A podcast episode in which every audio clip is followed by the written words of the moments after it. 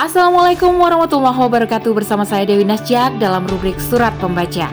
Surat Pembaca kali ini ditulis oleh Ummu Syakir dengan judul Rasa Bakti Terkikis dalam Sistem Kapitalis. Sistem saat ini menjadikan anak selalu menghitung setiap materi yang ia keluarkan untuk merawat orang tuanya. Sistem kapitalisme telah menghilangkan naluri kasih sayang dan menggantinya dengan untung rugi dalam setiap perbuatan, termasuk merawat orang tua mereka. Selengkapnya, jangan ke mana-mana, tetap di sini di podcast Narasi Pos Media. Narasi Pos, cerdas dalam literasi media, bijak menangkap peristiwa kunci. Air susu dibalas dengan air tuba. Tampaknya, peribahasa ini sedang dialami oleh seorang perempuan lanjut usia asal Magelang, Jawa Tengah yang bernama Terima. Ia harus menerima kenyataan bahwa anak-anaknya tidak lagi menginginkannya. Ia dititipkan di sebuah panti jompo di Kecamatan Wajak, Malang, Jawa Timur sejak akhir Oktober lalu. Semula, ia diajak jalan-jalan, namun ternyata ia diajak ke sebuah panti jompo dan ditinggalkan di sana. Anaknya pun sempat mengatakan agar ia sabar dan tabah. Meskipun kecewa, ia tetap mendoakan kebaikan untuk anak-anaknya. Namun, ia mengaku sudah tidak mau jika dijemput oleh anak-anaknya. Tak hanya terima, ada dua orang lainnya yang juga memiliki nasib sama.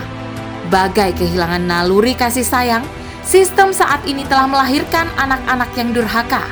Kesulitan ekonomi yang dibentuk oleh sistem kapitalisme semakin menjadi alasan klise bagi anak-anak yang merasa terbebani jika harus mengurus orang tuanya.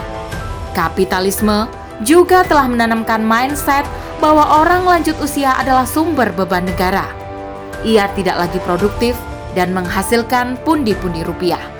Sebaliknya, ia hanya menjadi beban bagi keluarga, masyarakat, dan negara.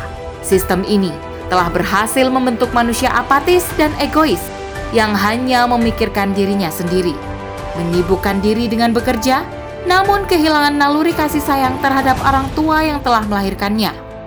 Tidak sedikit pula kasus buang bayi atau anak karena alasan ekonomi.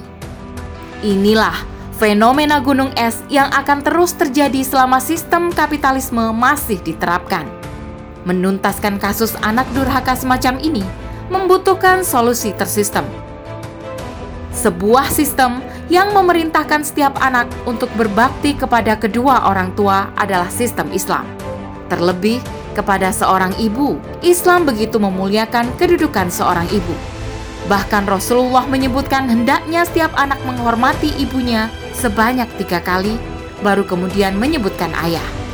Ini menandakan betapa mulianya jasa seorang ibu terhadap anak-anaknya tiada balasan materi yang mampu menggantikan jasa seorang ibu yang telah mengandung, melahirkan, dan menyusui anaknya. Sedangkan sistem saat ini menjadikan anak selalu menghitung setiap materi yang ia keluarkan untuk merawat orang tuanya. Sistem kapitalisme telah menghilangkan naluri kasih sayang dan menggantinya dengan untung rugi dalam setiap perbuatan, termasuk merawat orang tua. Sebaliknya, Islam menempatkan posisi seorang ibu dalam kemuliaan.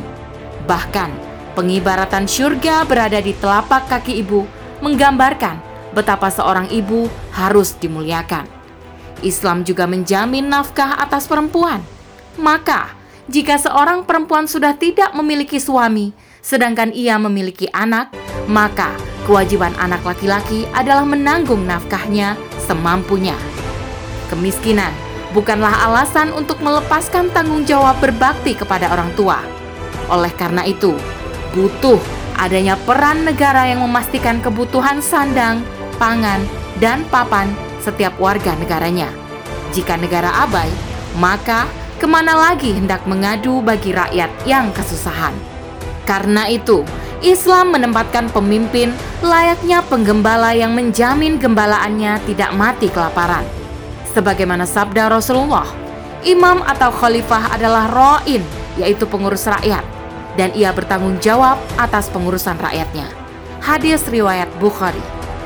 Hanya sistem Islamlah yang mampu menuntaskan masalah kehidupan. saatnya kaum muslimin menyadari bahwa masih ada harapan untuk mendapatkan kehidupan yang lebih baik, yaitu dengan kembali pada sistem yang menjaga berbagai naluri manusia agar tidak mati akibat beratnya beban kehidupan akibat penerapan sistem rusak. Sistem tersebut adalah sistem Islam. Wallahu a'lam bishawab.